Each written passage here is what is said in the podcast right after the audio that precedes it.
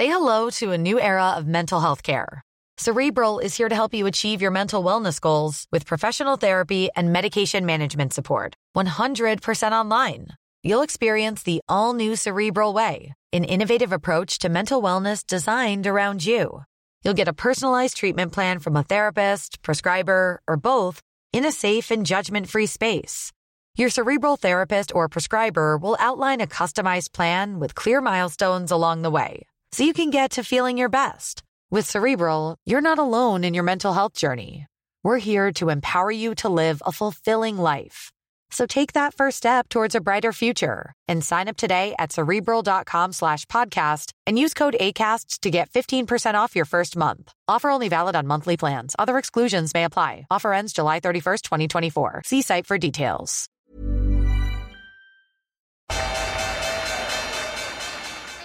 They mistook leverage for genius. Leverage for genius. I would recommend Japan. The governments don't rule the world. Goldman Sachs rules the world. Velkommen til en ny episode av podkasten 'Tid er penger', en podkast med Peter Warren. Her er episode 145. Jeg heter Sverre og er produsent, trykker på start og stopp og deltar litt i diskusjonen. I dag er det eh, litt diktert av markedet, så er det nok en gang viktig å snakke om det som har skjedd den siste tida. Både Facebook, Apple, Amazon-resultater, etterspill av Fed-avgjørelsen, ECB-avgjørelse i siste uke, eh, nyheter om Tesla, diverse ting rundt meglerhus osv. osv. Og så er det den store saken den siste eh, uka. Ny sentralbanksjef i Norge. Og podkasten 'Tid er penger', som vanligvis er 100% upolitisk, må snakke litt om politikk. Pengepolitikken har blitt infiltrert av politikken, og da må også Tid er penger bli litt infiltrert av politikken. Så hvis du ikke liker det, så er du nå på forhånd advart. Eh, I dag skal vi også avslutte med et intervju som vi gjorde like før jul. Og eh, det kommer til å ligge i sin helhet på vår Patrion. Patrion er en betalingstjeneste som gjør at du kan støtte podkasten direkte og få tilgang til ekstra stoff. Vi kommer sannsynligvis til å, ha ett intervju i uka framover, det er målet. Og denne uka så legger vi ut et intervju vi gjorde før jul med den eh, amerikanske investeringsbanken Bank of eh, America, Merrill Lynch, som har en analyseavdeling som, het, som lager en rapport som heter Flowshow, som er utrolig viktig. Har vært veldig toneangivende, spesielt den siste tida. Så vi snakker med en av eh, dem som skriver den, og hvordan de jobber. Og da, hvis du har lyst til å enten lære mer om det, eller kanskje jobbe i bransjen, får du innsyn i det. Hvis du vil høre hele den episoden med hele intervjuet, så kan du gå på www.tiderpenger.no patrion. P-a-t-r-e-o-n, eller gå i menyen. Da tror jeg vi starter. Ja, det har vært uh, litt av ei uke siden sist. Jeg tenkte kanskje jeg skulle ta ei oppsummering før vi starter, eller hva sier du, Vidar? Ja, kjør på.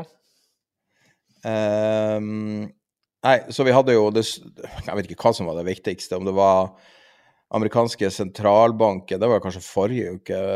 det har laga mye bølger i lang tid nå, men du har Det store nyheten var jo at uh, Facebook kollapsa totalt. Ned 20 siden vi spilte inn forrige episode. Uh, Flyr har gjennomført sin emisjon og er ned nå ytterligere på taperlista. Og du har da uh, Trump sin, uh, sitt skallselskap fortsetter å være en vinner i år. Robin Hood har klart å komme seg opp, men det er jo skikkelig sånn russiske prosenter. De er opp 20% men det er jo ned 80 fra toppen. liksom. Mm. Og MicroStrategy har også kommet seg etter veldig fall. Vi ser bitcoin eh, masse opp fra eh, bunnen, eh, og at både Amazon, Apple og andre har utmerka seg med knalltall.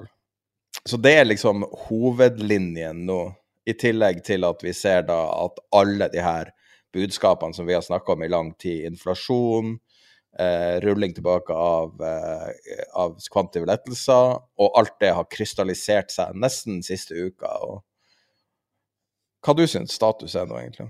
Hvis jeg kan supplere med én ting, da, så, så, vil det være det, tallene fra Goldman Sachs som viser at nettotegningen i aksjefond, altså den positive tegningen, de som kjøper aksjefond, i volum var det sjette største i historien i januar. Og den nest største på, som vi har opplevd på ti år. Jeg tror 2018 hadde større. Og når vi vet at markedene stort sett over hele verden var ned. USA var ned, verdensindeksen var vel ned 3,5% eller noe sånt i, i januar så er det ganske oppsiktsvekkende gitt all den kjøpingen som har vært i markedet, må jeg si. Kan du forklare den logikken? Jeg så den rapporten også. Hva i alle dager er det for noe? Nei, Man må jo spørre seg hvem er det som har solgt, da. Og det du vet, er at det er, det er i hvert fall ikke småsparere som har solgt. For, for, å si det på den måten, det er sikkert mange småsparere som har solgt, men i netto altså, så er det jo ikke det. Og jeg vil jo tro at pensjonskasser har kjøpt, altså de har behov for å kjøpe. Så de aller, altså, aller fleste, men det er tydeligvis også store institusjoner, veldig store, som har benyttet de høye kursene til, til salg, eller for å omrokere eh, porteføljene sine. Og i den anledning, jeg, jeg hørte på en, et foredrag eh, fra AQR, altså eh, forvaltningsselskapet til hvor Cliff Asnes er, i, er leder i, i, forrige uke. Og de konkluderte med if you don't change your portfolio, portfolio you'll get lower returns. Altså de, de, er helt klare på at hvis du fortsetter der du Altså med det som har virket til nå, så kommer du til å få svakere, svakere avkastning. Og et eksempel på, på det, da for, altså, Vi har hele tiden snakket om 60-40-porteføljer. og Norges Bank, da, som egentlig gikk fra 40% aksjer til 60% aksjer til 70% aksjer og 30% obligasjoner. altså med andre ord, de, de gikk oppover på, eh, på risikoskalaen i, i januar så er jo begge deler ned. Og der er jo faktisk obligasjoner nesten enda mer ned enn aksjer.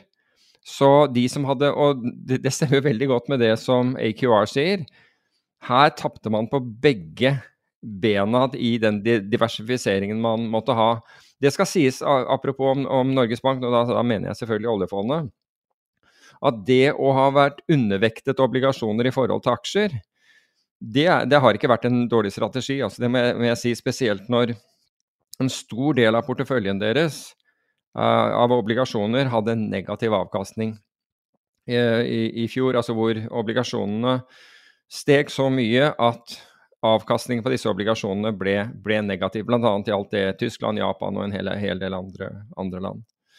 Så den porteføljeallokeringen som så veldig risky ut, den har, den har, faktisk ikke vært det, fordi de har tatt hensyn til nettopp dette. Er det ferdighet eller flaks? Ja, jeg tror, altså jeg tror det er, er ferdighet. Jeg, jeg, jeg, jeg syns det, at, at, det skal tillegges ferdighet, fordi de var ganske klar på hvor de ville være på risikoskalaen.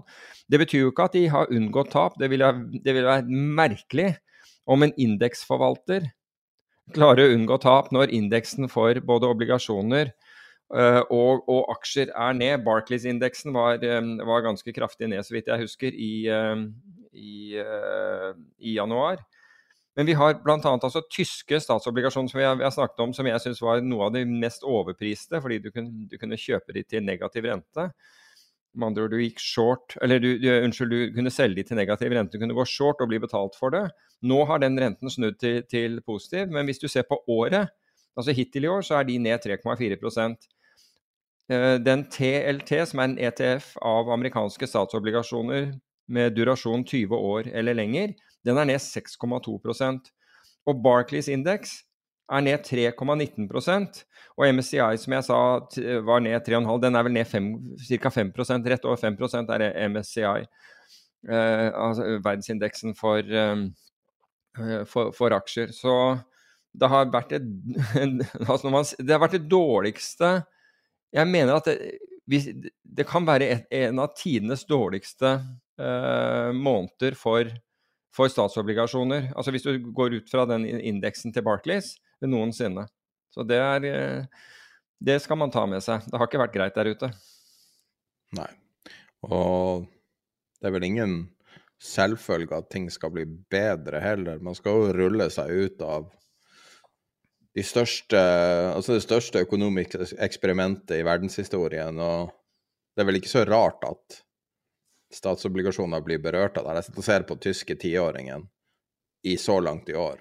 Ja. Starta på minus 0,2, og nå er over pluss 0,2. Ja.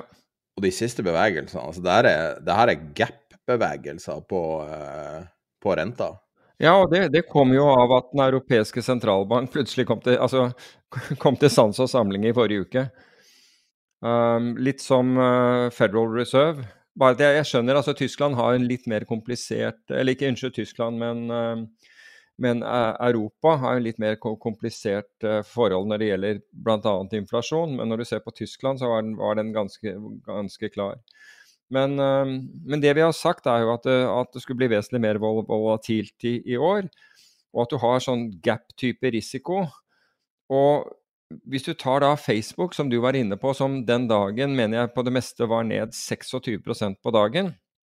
Alle driver og leter, så vidt jeg forstår, etter disse loddene som skal da gå fem og ti ganger og alt mulig sånn. Um, uh, i, i, det har liksom vært en veldig konsentrasjon og fokus på da vekstselskaper, nettopp fordi de kunne stige så, så mye i verdi.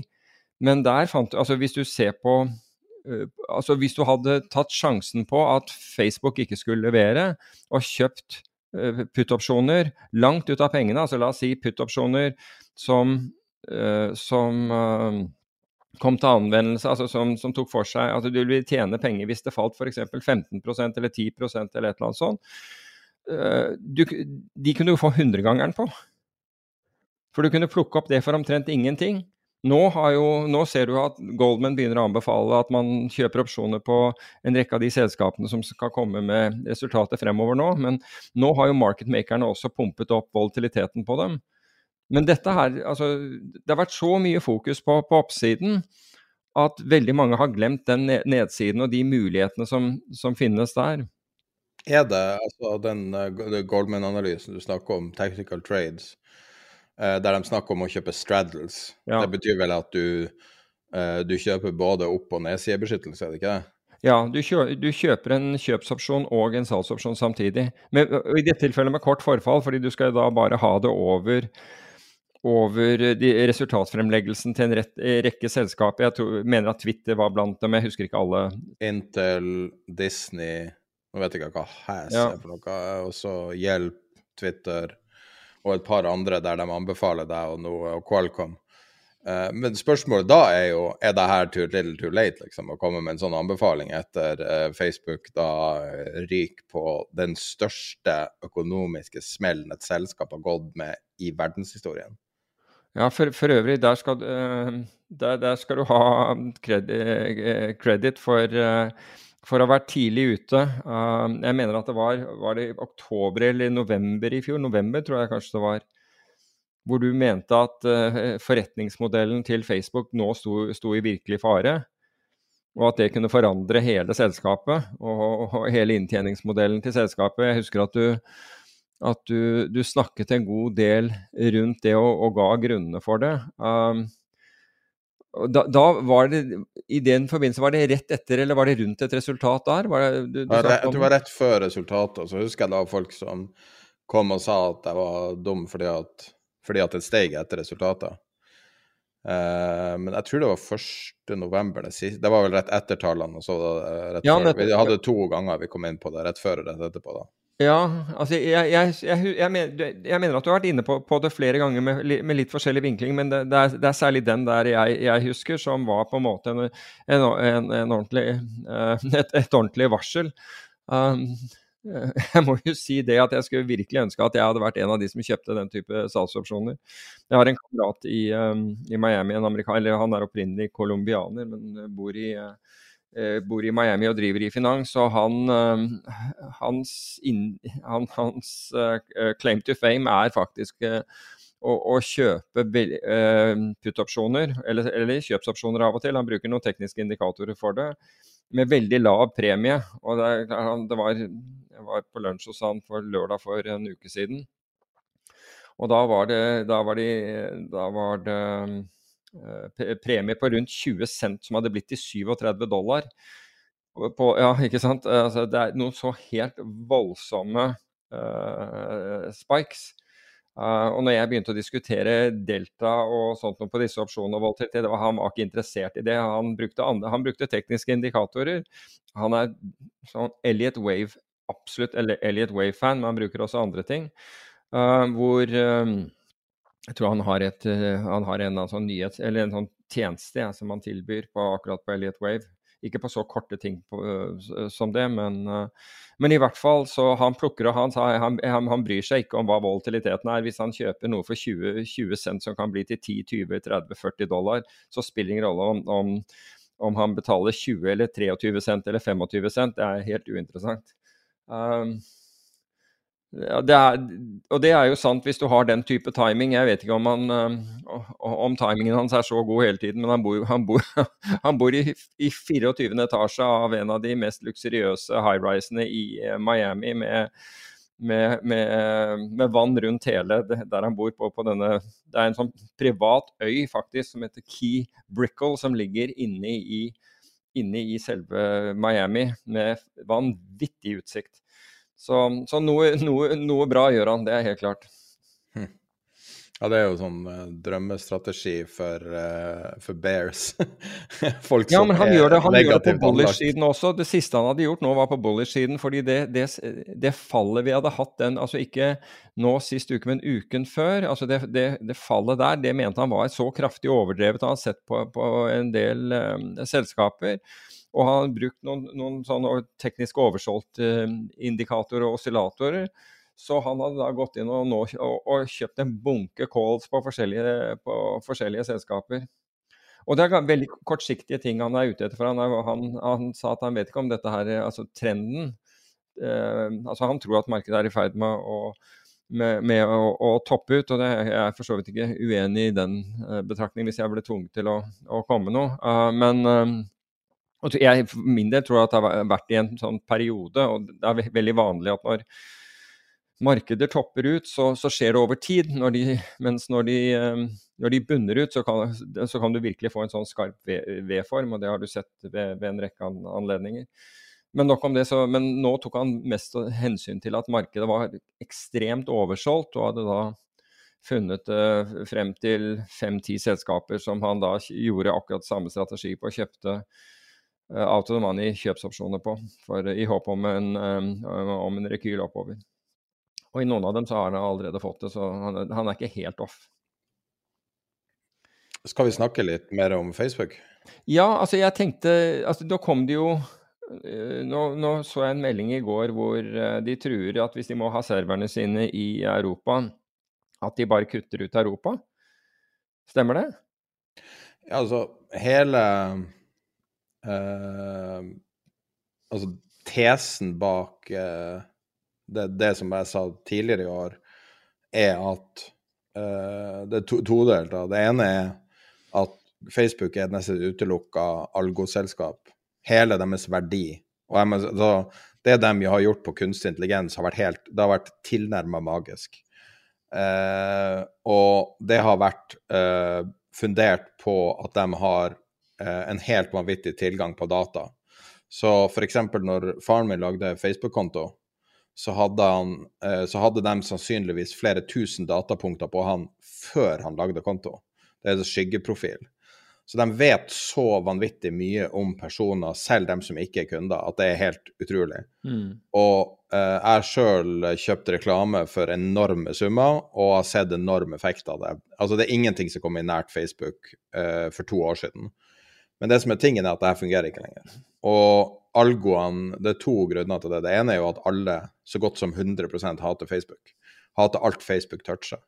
Så når den nyheten kom i går, så var unisont feedbacken på internett. Da mener jeg nesten så godt som 100% var ja, vær så god, og forlat, for guds skyld, forlat Europa. Ingen vil ha dere der. Og jeg kan ikke forestille meg et selskap kan overleve på, på sikt når du er så forhatt, med mindre du har en eller annen helt sånn total lock-in. Og det de har, er jo ikke så magisk. Det er jo bare en nettverkseffekt. Det kan jo andre kopiere. Men det andre er jo at selskapet er jo etter det fallet fortsatt verdt 5700 milliarder kroner. Så du sier liksom at, uh, at nå var det en smell, men jeg husker jeg var og besøkte Nokia-ledelsen i 2009. Da var jeg en av de første som hadde Det var liksom før uh, uh, iPhone 3G var lansert i Norge, altså den iPhone som var verdenstelefonen. Og da hadde jeg uh, vært og møtt dem, og så hadde jeg, en sånn demo-unit. Og så var jeg på Dagen etterpå så dro jeg til Finland for å møte Nokia, eller Sverige for å møte Nokia. Og så var jeg tilfeldigvis da og møtte flere i ledelsen i Nokia. Og så hadde jeg iPhone på meg, og så spurte jeg hva syns dere om det her? For jeg var helt totalt slått i bakken av iPhone første gang jeg tok den. bare. Det her er bare helt Og, og det hadde blitt beskrevet av andre, eller av kommentatorer som Jesus-telefonen, at det her var før og etter iPhone. Altså alt, ingenting kom til å noen gang bli det samme igjen. Og så dagen etterpå så dro jeg og så på skulle Nokia skryte av eh, sånn ny, ny telefon de har laga som føltes som var ti år gammel når du tok på den, fordi at du hadde nettopp tatt på en iPhone. Ikke? Og så spurte jeg Nokia hva syns dere om det her, og så sier de, og så reagerer de med voldsomt sinne. Altså sånn, ut, sånn utad sinne. De har ingen interesse å snakke om det her, og jeg er en idiot som bringer det opp. Og det selskapet eksisterer ikke i dag, Mm. sånn som da. Altså det, Nokia eksisterer gjennom et annet selskap, men Nokia som mobilprodusenten det var i da, er borte. Og det var verdens største mobilprodusent da. Og når jeg sitter og ser på Facebook nå i dag, og ser kombinasjonen i at algoritmen som jeg har da pumpa utrolig mye penger i sjøl, og sett andre gjøre, og nå vet at den ikke fungerer i nærheten av så godt, og kanskje ikke fungerer i det hele tatt. Jeg snakka med en her en dag som kjøper annonser for Jeg kan ikke si akkurat hvor mye, men titalls millioner. Jeg, jeg tror ikke jeg får lov å si akkurat hvor mye, men titalls millioner i året. Og, og han fortalte På meg Facebook? ting Ja. Og han fortalte meg, ø, ø, ø, og så snakka vi om det, jeg snakka om min erfaring, og så spurte jeg hvordan det var nå, og så sier han at, at du, du, du må jobbe på en helt annen måte nå. Så det begynner å nærme seg mye mer sånn som TV fungerer. Og, og det betyr i praksis at du har ikke så mye data, så du må rett og slett gå på volum. Sånn som en TV-reklame fungerer. Mens Facebook, det som er magisk med Facebook, det er at du konverterer 2,5% Det vil si, hvis noen klikker inn på en link, så kjøper 2,5 av klikkerne produktet av deg. Hvis du gjør det samme på et nettsted, så har du kanskje 0,001% Så mye bedre er Facebook Wow. fram til nå.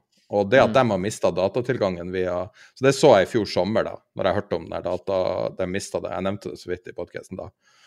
Og da endra jeg retning på, på det jeg jobber med da, og eh, på grunn av det at Og så begynte jeg å se resultatene og se at, at det begynte å miste effekt, noe av det jeg gjorde. Og da bare ble skremt bort og tenkte at det her kommer til å slutte å funke. Så det er basisen på bearishnessen da. Og, eh, og jeg tror at, at Facebook i 2022 kan være Nokia i 2009. Wow. Det er voldsomt. Um, Og det er jo selvfølgelig også- ikke en anbefaling, jeg må eksplisitt si det. Altså, det er bare Mm. Det er veldig viktig.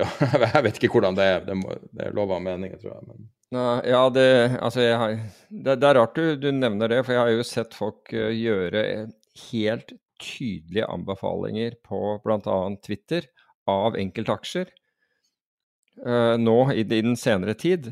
Så, det er, eh, så hvis det, det ikke er lov, så må jeg jo si at eh, de som driver med dette her, og dette er folk som har drevet med det tidligere også, eh, enten ikke bryr seg, eller er overbevist om at myndighetene altså, ikke kommer til å gjøre noe med det. Jeg vet ikke.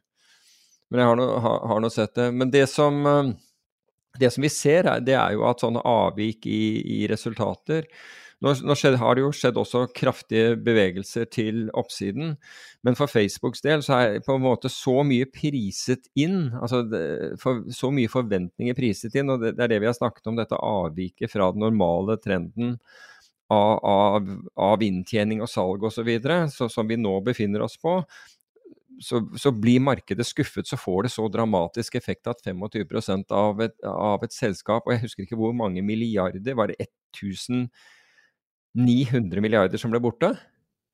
hva i Facebook? Ja. ja det spiller ingen rolle, men det var, det var, var i hvert fall et, meg.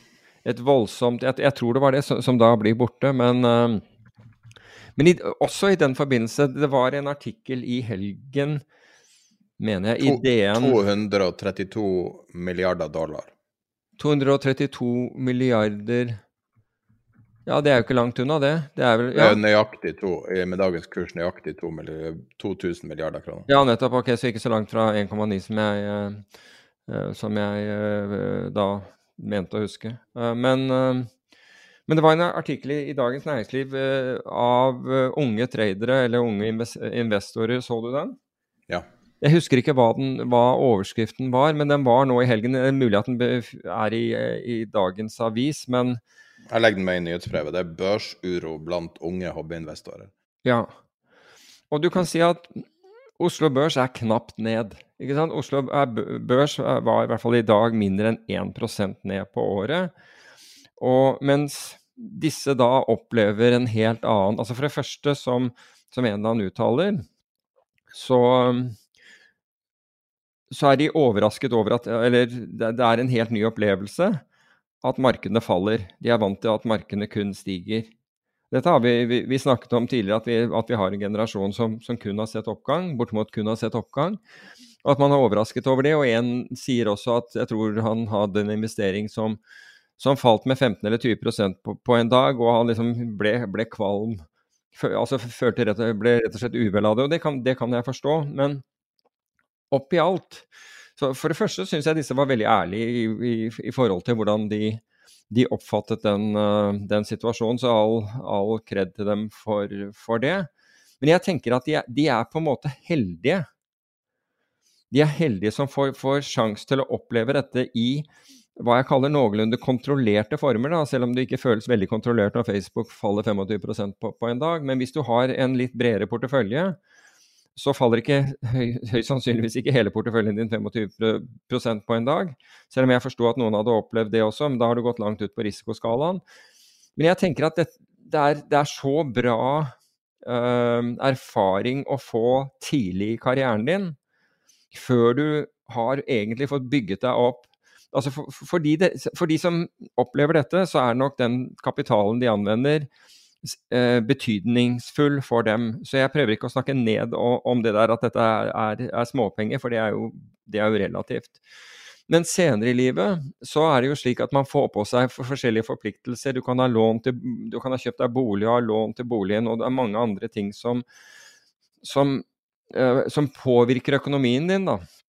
Og hvis du da forholdsvis får en, et, et sånt fall på det tidspunktet, så kan det da slå bena under deg. ikke sant? At du er nødt til å selge bolig, og, og, og det får på en måte litt mer katastrofale følger. Nå er de i stand til å oppleve disse her, ta det til, til seg, og tenke hvordan kunne jeg gjort ting bedre? Hvordan skal, jeg, hvordan skal, jeg, reagere? Hvorfor reagerte jeg ikke når det begynte å falle? Jeg kunne ha solgt meg ut, men jeg ble lammet av frykt, f.eks. Et eller annet sånt. Nå har du sjanse til å lære. Og det er ingenting som er bedre enn å lære i tidlig alder. Det er brutalt å lære disse f.eks. i 50-årsalderen eller 60-årsalderen, hvor alt du har, plutselig blir borte. Det er det verste som kan skje med deg. Det er absolutt det verste. Så når du opplever det på, et tidspunkt hvor du tar banen til skolen, og du har ikke all verdens andre utgifter, så er det på en måte en, en, en blessing. Og at du får den erfaringen og, og kan gjøre de for, forbedringene da.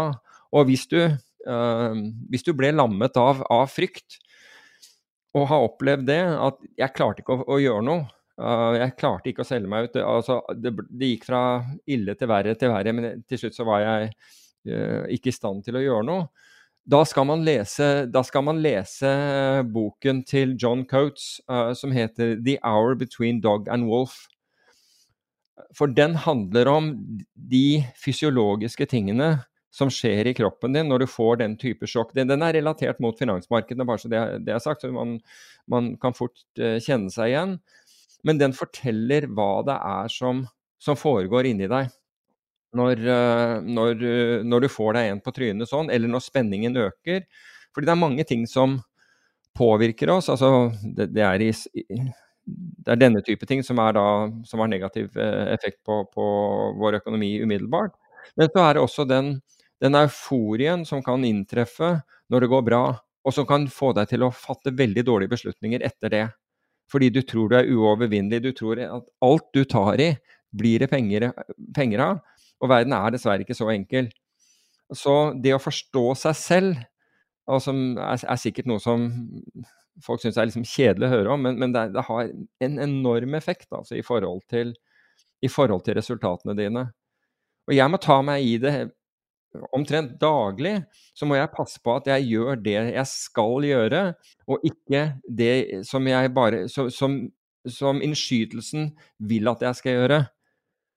Det er kjempeviktig, for jeg vet det at hvis, hvis jeg fraviker det jeg egentlig holder på med, så Eller det, den planen jeg har, så kan det gå bra, men det er store sjanser for at det går dårlig. Og når det da begynner å gå dårlig, så går det dårlig på en plan som du aldri hadde til å begynne med. Så det er mye vanskeligere å ta seg inn, fordi du er i på en måte i ukjent farvann. Hvis du, hadde, hvis du hadde den strategien du på forhånd hadde ment å, å, å anvende, så vet du, du hvor stopplås skal ligge, og du vet hvordan du skal på en måte håndtere den situasjonen. Men når du bare hiver inn en posisjon et eller annet sted, og den begynner å gå gærent, så er ingen av de referansene til stede, og du, og, og du kommer i en sånn 'hva gjør jeg nå?'-situasjon. Eh, og 'hva gjør jeg nå?' kan, kan være veldig, veldig kostbart hvis, hvis, det går fort. Så um, bare en, en, en, hva vi kaller en forslag til, uh, til, forbedring. Den boka du nevnte, har vi jo i vår virtuelle bokhandel som vi har sammen med Ark og Jølendal Enda bedre. Hvis du går på tiderpenger.no, så er bokanbefalinger i menyen. Så det er alle bøkene vi har der. og uh, I tillegg så sender jeg det ut i nyhetsbrevet. Altså. Akkurat denne boken har jeg anbefalt for veldig mange som har spurt uh, gjennom tidene. Og det er ikke en eneste som har kommet tilbake og sagt at det, det, der var bare tull å lese. Det er ikke en eneste. Så jeg føler meg ganske trygg med den, da, for å si det på den måten. Du var inne på det med, med Bare gå videre på hva som skjedde i forrige uke. Du var inne på det med renter, og det, ECB var jo den Var vel den uh, jeg ikke største overraskelsen, det var jo at de også har kommet til sans og, og samling. Og det gjorde jo at Bundt, altså tyske tiåringen, og obligasjonen falt, eh, falt, kraftig. Og vi har jo sett den effekten det har hatt på, på statsobligasjoner eh, andre steder. Men eh, Men kan jeg bare si to ting om rente når du er inne på det? Uh, jeg var bare leste litt analyse. Jeg prøvde å lese litt, for jeg leser mye fra Goldman og Morgan Stanley og JP Morgan og sånne. Så var jeg leste litt fra andre for å få litt andre stemmer. Ofte er det jo bedre med europeiske, europeiske lokale. Så Unikreditt sier at ECB eh, e åpner døra for rentehopp og kaller dem hauker, mens Nattvest sier at uh, Hawks spreading their wings in Europe.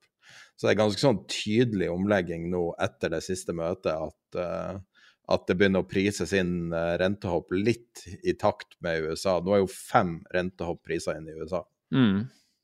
Og nå Altså, jeg har ikke oversikt over hvor mange som er priser inn i Europa, men det her begynner å bli en global bevegelse. Renten skal opp, og renten skal opp ganske mye.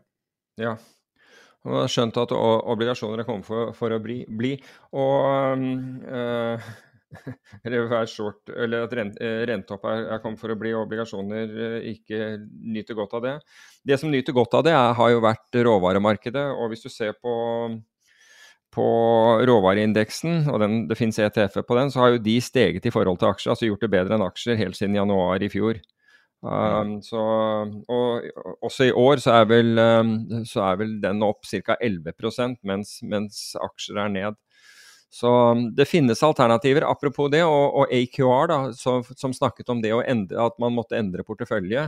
Fordi man ville ikke få den samme avkastningen eh, lenger, at det var viktig å endre portefølje. De har tatt uh, inn uh, råvarer i, i, porteføljen, og faktisk, uh, og, og faktisk hedgefond. Trendfølgende hedgefond. Um, og Det var egentlig det jeg ville si om, om AQR. Men på, i energimarkedet da, så, så, har det jo for så vidt heldigvis uh, skjedd ting, og det er jo at uh, Europa og Tyskland har fått, har fått, og får tilførsel nå av gass fra bl.a. Qatar. Altså LNG-skip uh, som da dundrer gjennom, gjennom Suezkanalen, altså fra Qatar og, og, og, til Tyskland. Det har avhjulpet litt på, på situasjonen. Det har heller ikke vært så kaldt som man har fryktet heller, og det har forbedret da Eh, denne situasjonen. Men det er interessant for øvrig å se på Uh, nå, som, nå, har man jo plutselig uh, valgt Eller ikke plutselig, man, ja, det er ganske plutselig for så vidt, men vi har snakket om det tidligere, at man har valgt å, å grønnvaske kjernekraft, og man har valgt å grønnvaske gass. For uten disse to så, så ligger vi ordentlig tynt an.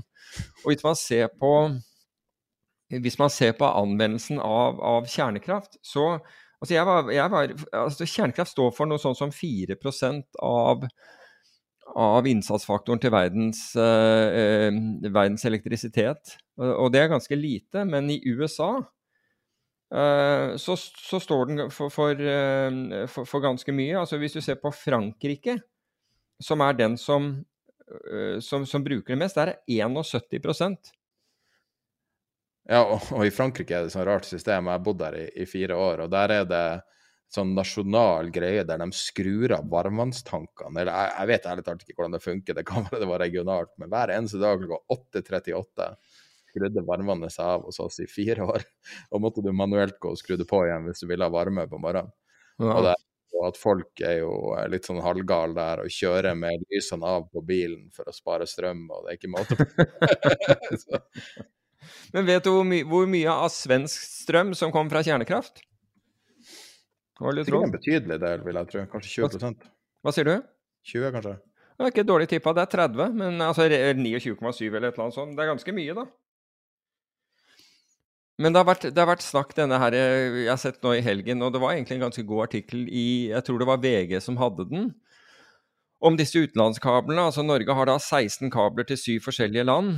Og hva de betød og hele greia og osv. Men det, det, er noe greit. Og, men poenget er at slik det er Altså konsekvensene av å drive og eksportere denne strømmen er at AS Norge blir mye rikere, men borgerne blir fattigere. Borgerne får mindre, får, får mindre, å rutte med som følge av de høye, høye strømprisene.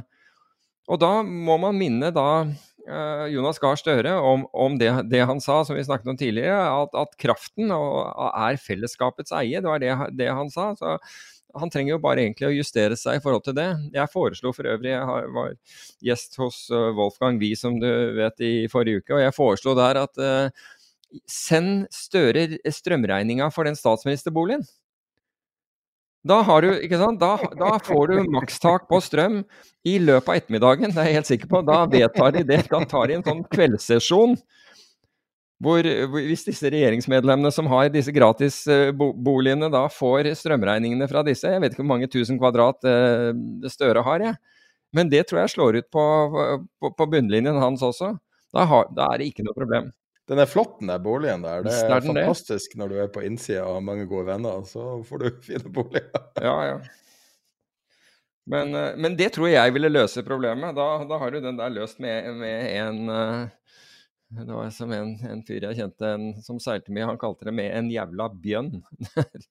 Bra uttrykk. Vi har, har, jo en sånn her uh, ikke, ikke, lov å snakke om, uh, om strøm i Nei, ikke lov å snakke om, om, en, uh, om politikk i podkasten. Men denne uka har vi rett og slett bare skrudd av regelen. For det går ikke an å ikke snakke om politikk rundt sentralbanksaken. Det går bare ikke an. Fordi at de har blanda inn politikk i uh, inn i pengepolitikken. Så vi har faktisk ikke Det er det første gangen vi har tillatt politisk diskusjon, fordi at det har blitt åpna opp for at sentralbanken har blitt politisert.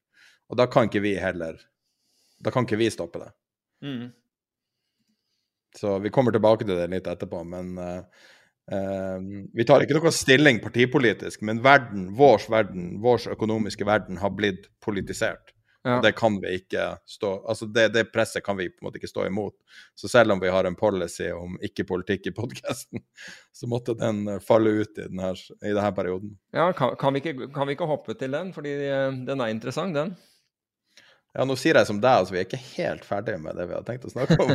Nei, altså det, det, andre var, og det var mer et sånt spørsmål til deg jeg hadde der i forbindelse med at Tesla altså Slik jeg forsto det, så, så kom det en sånn court injunction mot å bruke bruker dette autonome uh, Hva heter det for noe? Uh, Full self-drive?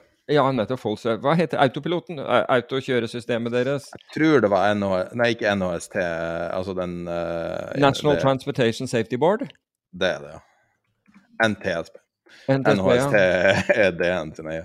Ja. Uh, jeg tror det var dem som kom med et uh, Altså, det var dem som uh, trigga den, den recorden på ja, nettopp. Og, og det, altså, de, er, de, er, drakoniske når, når, de går til verks. Og, og, jeg oppfattet jo det som, som et ordentlig tilbakeslag for Tesla. Fordi veldig mange av, av de som, øh, som, øh, som dyrker Tesla-religionen, har jo, he, har jo i hvert fall sagt til meg at det er, at det er jo dette det er Den autopilot, det er jo det som er fremtiden, og det er, som, det er derfor verdiene kan forsvares og, og, og, den biten der. Er det ikke det? Siden vi ikke har sett store utslag? Um, nei, altså, hvordan skal man være jeg, jeg, jeg, leste i dag en analyse der noen prøvde seg på en, hvordan man verdsetter bitcoin. Det er jo sånn klassisk, gammel uh, problemstilling. Uh, skal man prøve å Nå har jo ARK, uh, det teknologifondet, har prøvd seg på en sånn fundamental verdsettelse av bitcoin tidligere. Og da tar de litt av det her og litt av det her og så litt av det her, og så er det verdt så og så mye og så og så mye og så så mye, og så blir det selvfølgelig alltid 10 000 milliarder og et eller annet. Uansett hva det er, slags analyser, så er det alltid det det ender opp på. Og litt det samme har man gjort med Tesla. Så måten man har kommet fram til de her verdsettelsene, er jo at man har eh, Altså man har ikke diskontert framtidig kontantstrøm på noen måte. Sånn at du har f.eks. Eh, du har jo mange divisjoner. Så full self-drive, f.eks., som da man kanskje La oss si at man er 98% ferdig med det. Det høres jo veldig ut som det er nesten ferdig. Eh, men problemet da er at de siste to prosentene, det som gjør at det faktisk er som et menneske, er kanskje uoppnåelig. Fordi at å, å oppnå 80-90% self-drive, det er i praksis det Mercedes hadde i 2007 på en S-klasse. Okay at du hadde lane keep assist, og du hadde adaptiv eh, cruisekontroll, og alle de tingene der, da er du ca. 80% i mål. Men å gå fra det, som er en, altså det er en variant av det Tesla har nå, litt, det er litt mer avansert, men egentlig ikke så veldig mye mer avansert, til 99 eller 100% er en veldig lang vei, fordi at det er alle de her nyansesituasjonene. Og så kommer du da hvordan du verdsetter det. Og når du da ser på analysene, f.eks. ARK, da, så, bruker, så verdsetter jo de dataen som full self-drive-systemet samler inn, som en salgbar commodity. Og det klarer ikke jeg helt å se hvor De har jo aldri solgt den dataen til noen, men det blir verdsatt til masse, masse, masse penger. Og så uh, har de uh, vurdert å gjøre forsikring, og da blir det prisa inn med en gang som et ferdig produkt. Og det her er jo den Enron-modellen, som er at når du kommer til en idéfase, så er det ikke så farlig om du gjennomfører det. For dem, Enron var opptatt av å få priser inn mark to market på alt. Mm. Så når de sa mark to market, så mente de mark to hva vi tror vi kanskje kan gjøre. I fremtiden. Så mm. Enron fant oppriktig opp Netflix. De skjønte ikke det. De fant opp uh, eh, AWS, de fant opp de beste businessene.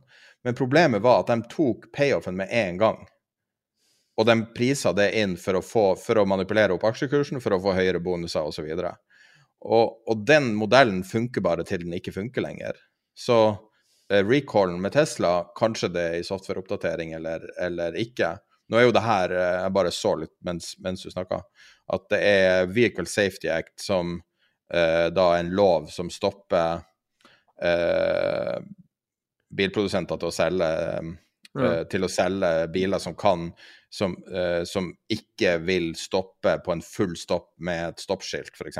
Som i det tilfellet her, da.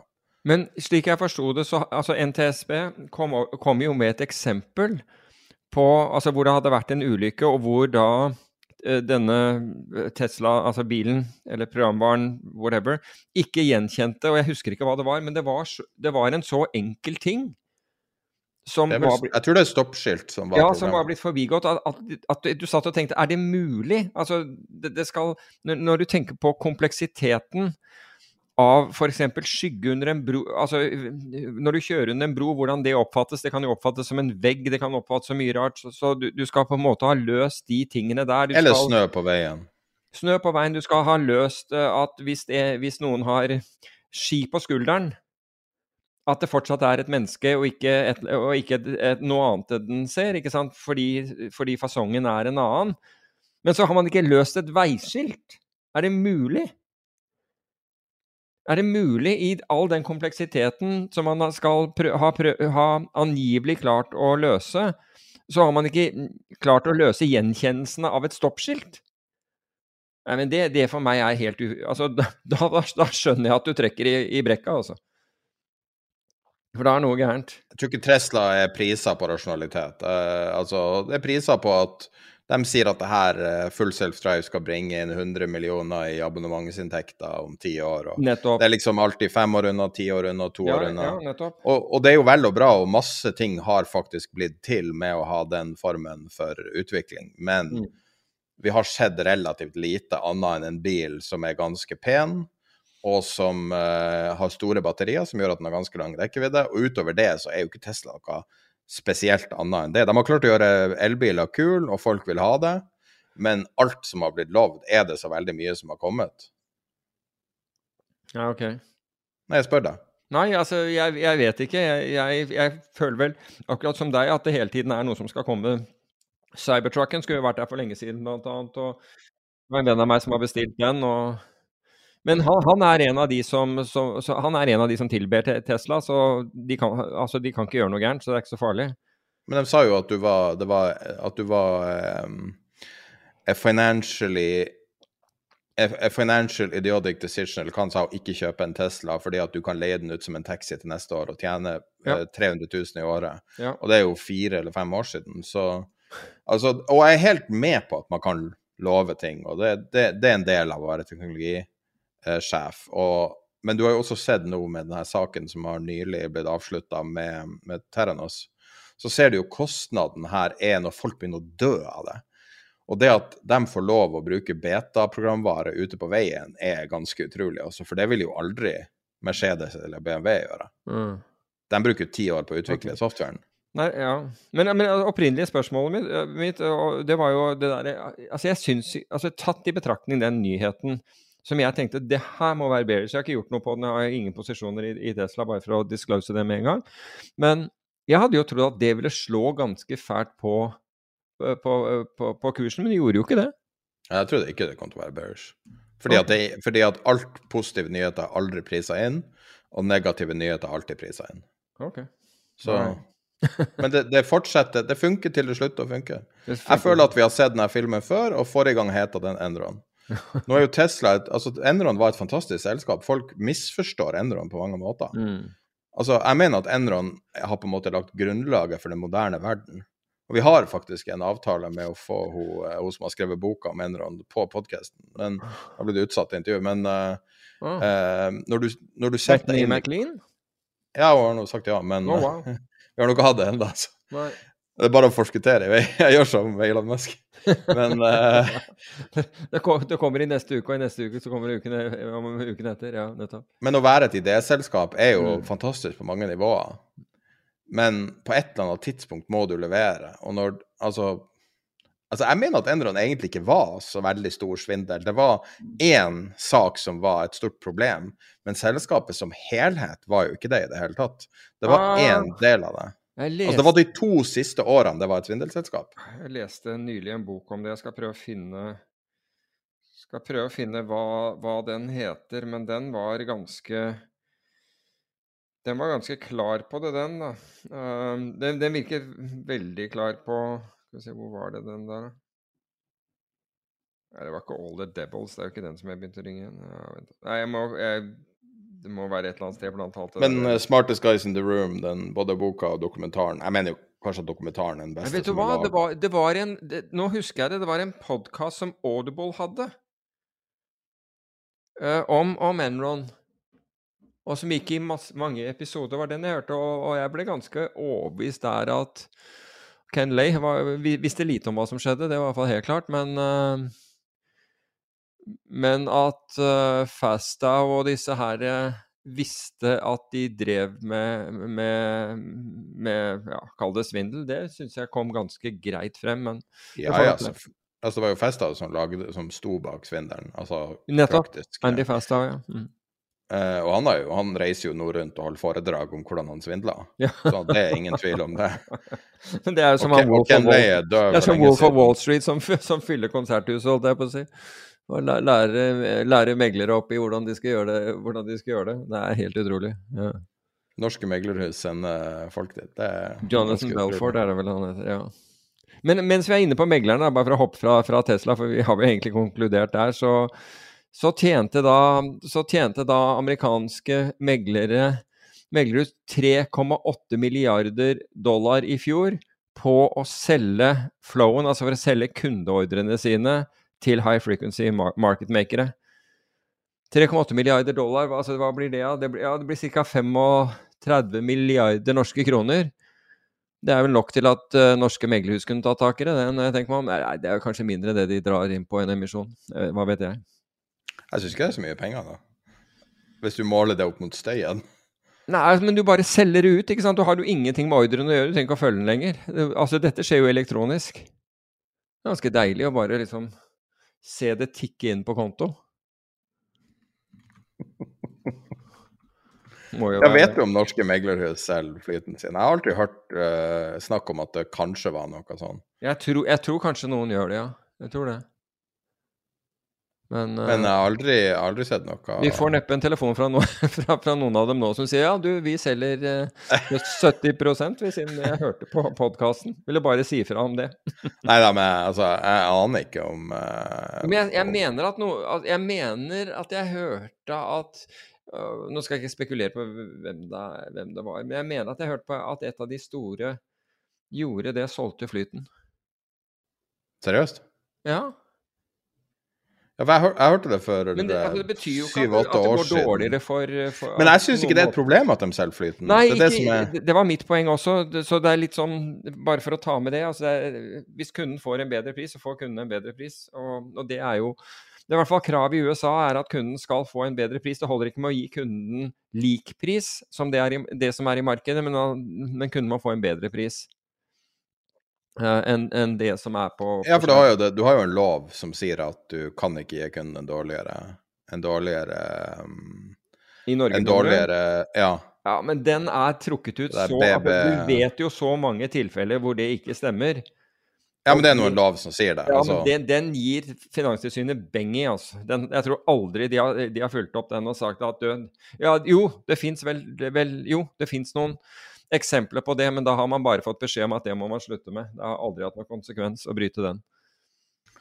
Men, men det som, er, som, folk ofte misforstår med det å selge ordreflyten, det høres jo ut som at det høres ut som at det er sånn at det er liksom et nesten et overgrep mot private investorer. Mm. Mens i realiteten så er det jo en annen måte å betale provisjon på, eller uh, altså kommisjon på. Ja. Det er når man ikke har kurtasje lenger i Norge. Men jeg tror, jeg, jeg tror de som selger flyten her, sånn, de, jeg tror de tar kurtasje òg, ja, for, for, å være ærlig. Jeg tror ikke kunden får null kurtasje. Det er bare at de selger flyten. Ja, jeg, ja det er ikke langt unna null, da. Ja, men Det er sant, jeg tror det. Men, men du kan si at så, så lenge kunden får en bedre pris, ja. Nei, altså, så lenge du opprettholder det at kunden får en bedre pris enn det som er i markedet. Men det er klart at hvis dette er illikvide aksjer, og kjøpekursen er 4 og selgekursen er 12 på skjerm, og kunden får kjøpt den til 11,93 så er, så er ikke sant, Da fungerer ikke det. Det er helt opplagt. Men det ville være, altså det ville være en kraftig overdrivelse, men det er bare for å illustrere poenget. Hvis det er det. Hvis det er likvide papirer, så er det jo ingen problem. Ja. Nei, altså det handler jo bare teknisk execution, så. Ja. Eh, men da kanskje det er på tide å snakke om vår nye sentralbanksjef. Ja.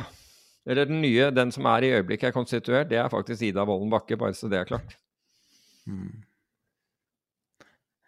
Hva syns du om denne saken? Jeg, jeg, den, den, den, fremstår jo som svært grumsete, må, må, jeg jo si. Altså, på forhånd, eh, da vi snakket om dette her, så, så sa, jeg, sa, jeg, at jeg mente at de begge var godt kvalifisert. Um, men ut ifra de kriteriene som har vært, så mente jeg at Ida Wolden Bakke var en klarere uh, kandidat til den jobben enn Jens uh, Stoltenberg. Så må jeg jo si at hun Cecilie Langum Becker hadde et godt poeng da hun fortalte at de i NRK, med en gang man utlyste stillingen, hadde, eller hun og hennes folk, hadde sett på, eh, på stillingsannonsen og med en gang sammenlignet den med tidligere stillingsannonser, og funnet klare avvik. At nå var, var det på en måte det endret. Og da kan man jo spekulere i om det ble endret fordi Eh, altså fordi man da allerede hadde bestemt hvem som skulle bli sentralbanksjef, eller om Finansdepartementet sammen med Norges Bank og, og for så vidt andre hadde funnet ut at, man, at den rollen At man så for seg fremtiden for sentralbanken eh, som, en, som, i endring. At, at det ville, ville, være en endring for fremtiden. Slik at noe annen kapasitet og kunnskap um, ville være nyttig. Det som gjør dette rotete og, vanskelig, øh, syns jeg, det, det, er jo at det har vært så utrolig klossete. Altså den middagen sant, hvor noen setter seg Sitter sammen på en, på en middag på Bygdø, og det virker nærmest som bestemmer hvem som skal bli sentralbanksjef. Så det er ikke greit, ikke sant? Altså det, men vi vet ikke om det var det som skjedde der. Altså Vi vet at det, at det ble tatt opp, men vi vet ikke det andre. Og så er det dette at Støre, når han blir spurt, uh, svarer at han ikke har snakket med, med, Stoltenberg i det hele tatt. Og så viser det seg at han hadde snakket med Stoltenberg om det, men det var bare et veldig kort øyeblikk før Støre selvfølgelig sa at dette kunne han ikke snakke om, fordi han, han, var i en sånn situasjon. Uh, altså, det var ikke riktig. Um, det, det, er jo disse uryddige tingene rundt det. Um, så Men får jeg høre din take? Så skal jeg, så skal jeg supplere mer med mitt etterpå. Nei, det er Jeg syns han Det var en kar som heter Vikan junior på Twitter. Jeg mm. søkte på Stoltenberg på Twitter, og så hadde jeg det bare oppe og gående. Eh, og det var sinnssykt mye, mye trafikk på det, det, søkeordet når det skjedde.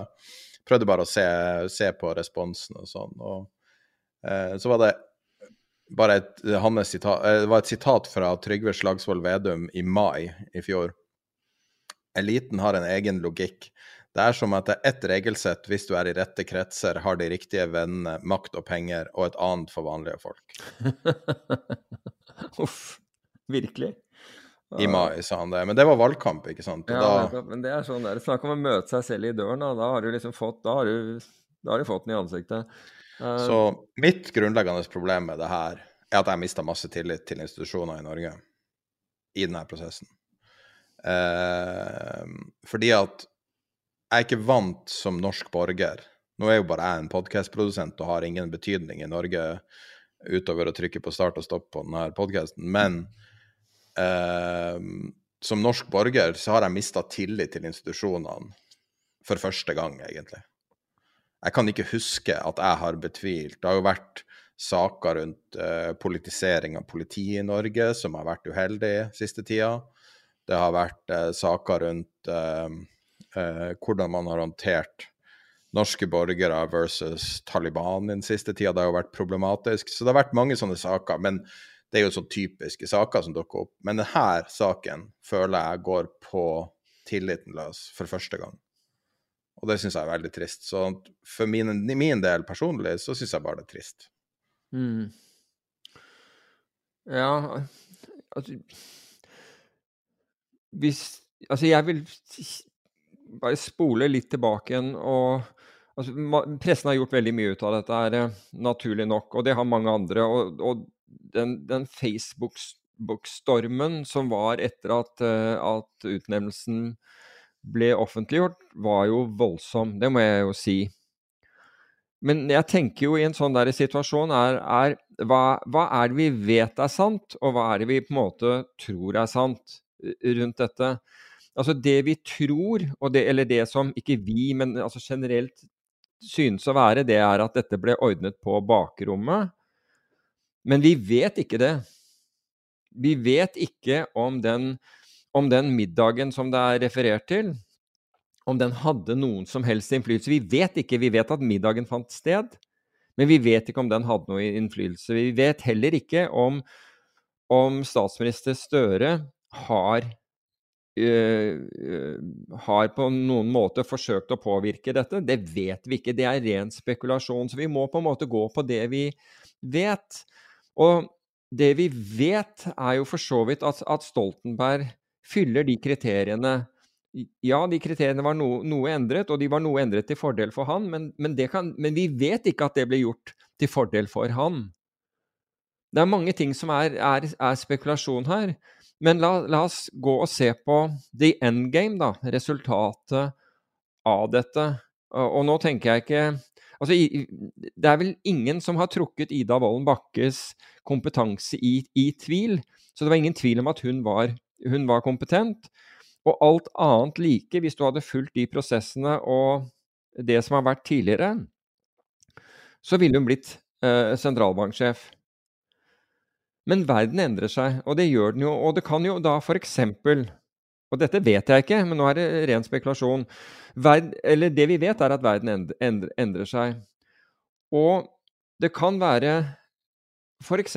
to ting. Det kan være Det ene er at det geopolitiske kommer til å bety mer for økonomi, eh, europeisk og norsk økonomi fremover.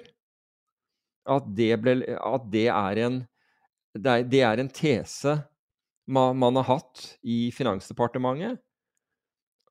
Og at derfor øh, Og at Stoltenberg passer bedre i en sånn setting. Jeg vil ikke være uenig i det.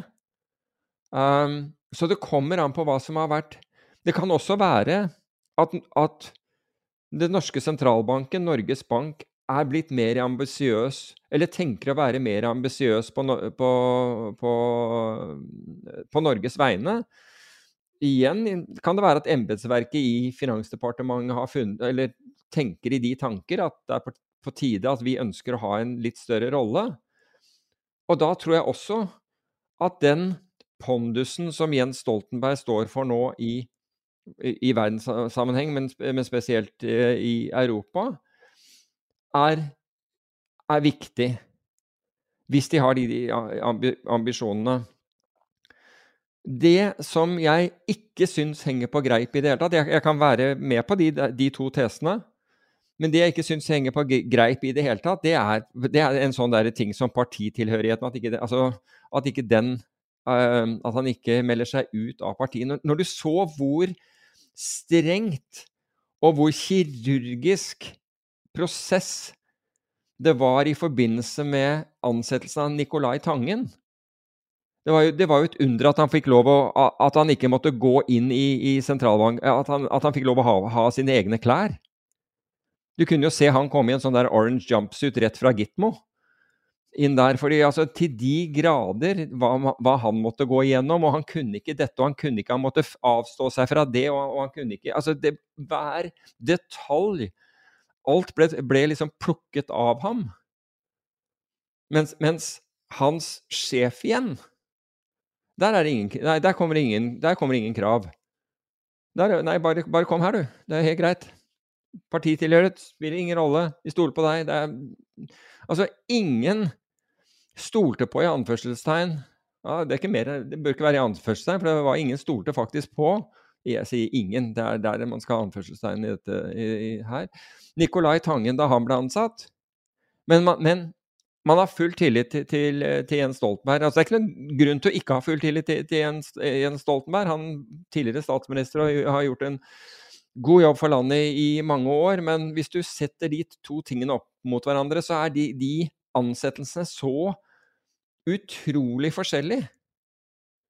Og kriterier og hvordan man på en måte behandlet det, at det i seg selv blir liksom, jeg blir liksom hoderystende av det. Og det eneste dette dreide seg om, var at Nicolai Tangen hadde en formue og hadde, og hadde faktisk klart å drive lønnsom forvaltning både for investorene sine og seg selv og, og forvaltningsselskapet tidligere. Dermed ble han til de grader kledd av før han kunne, kunne, kunne, gå inn, mens det er ingen slike kriterier her. Eller i hvert fall minimalt med, med kriterier her. Men hvis jeg skal summere opp, så vil det jo være at dersom det er geopolitisk basert, eller at Norges Bank faktisk har tenkt å endre sin internasjonale strategi slash opptreden for, å, for å om mulig bli en viktigere part som, som sentralbank i et, i et, europeisk bilde, så tror at, så tror jeg at Jens Stoltenberg på, det, på, på, de to, på de grunnlagene antageligvis kan kunne gjøre en bedre jobb. Og det, jeg sier antageligvis, fordi jeg vet ikke hvordan Ida Wolden Bakke er på disse områdene, men, men, vi vet at hun ikke har erfaring, i hvert fall fra, fra, uh, fra internasjonal ge, ge, geo, geopolitikk.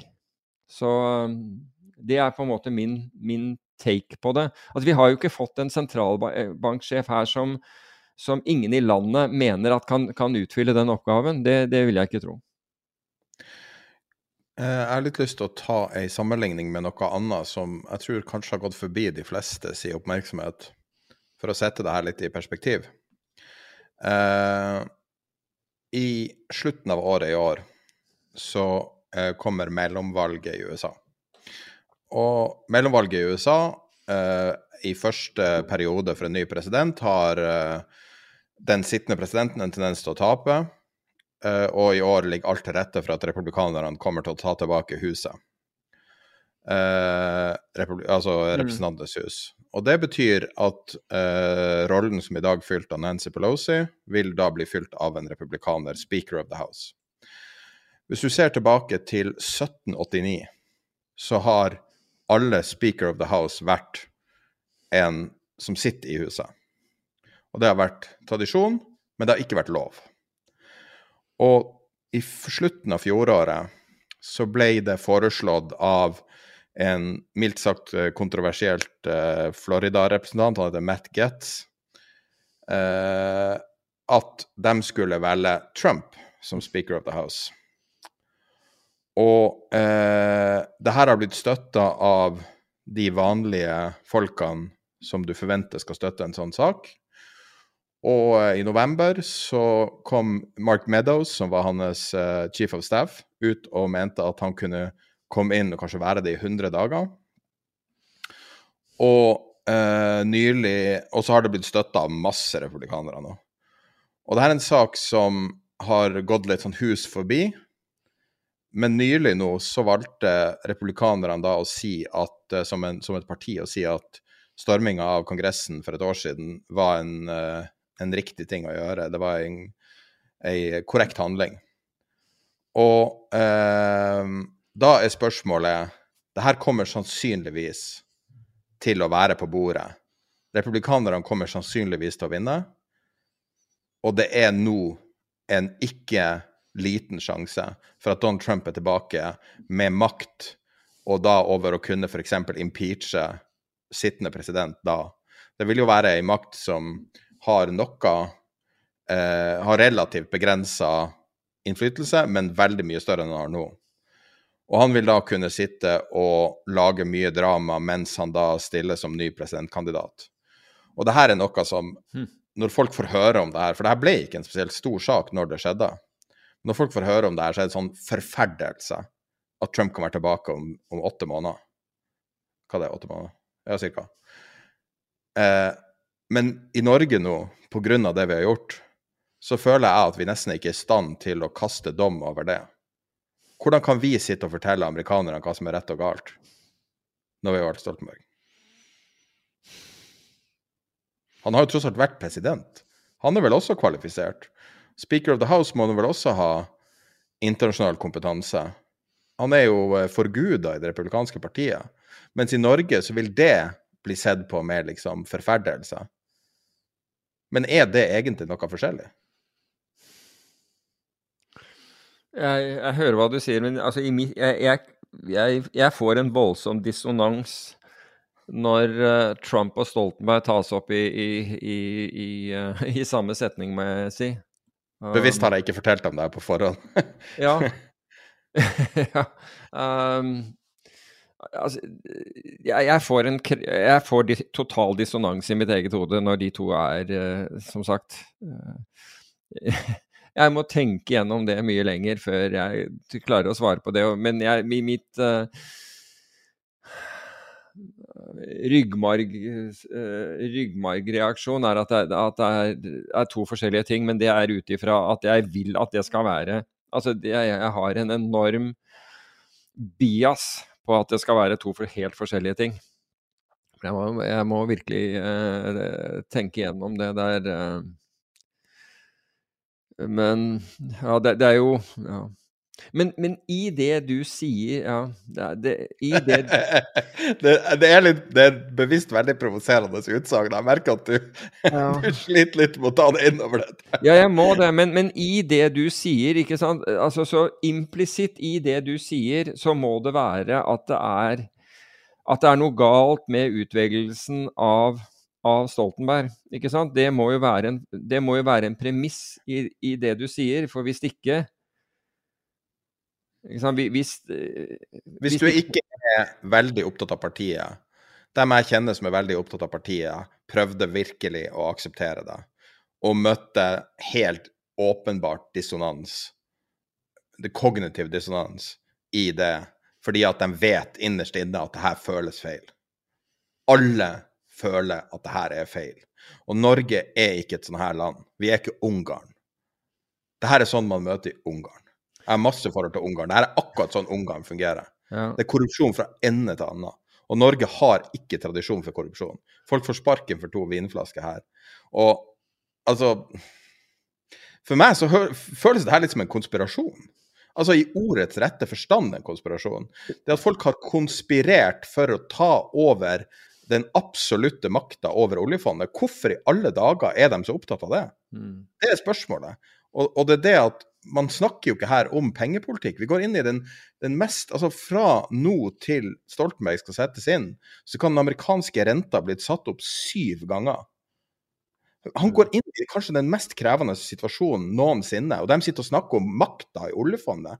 Det er jo det minst viktige her nå. Det mest viktige er jo at vi Tenk deg nå hvis de hadde fucka opp under korona med krona. Krona gikk til tolv mot dollaren. Mm. Det var en katastrofe. Mm. Det, var så uf, det var så ubeskrivelig grusomt for så mange.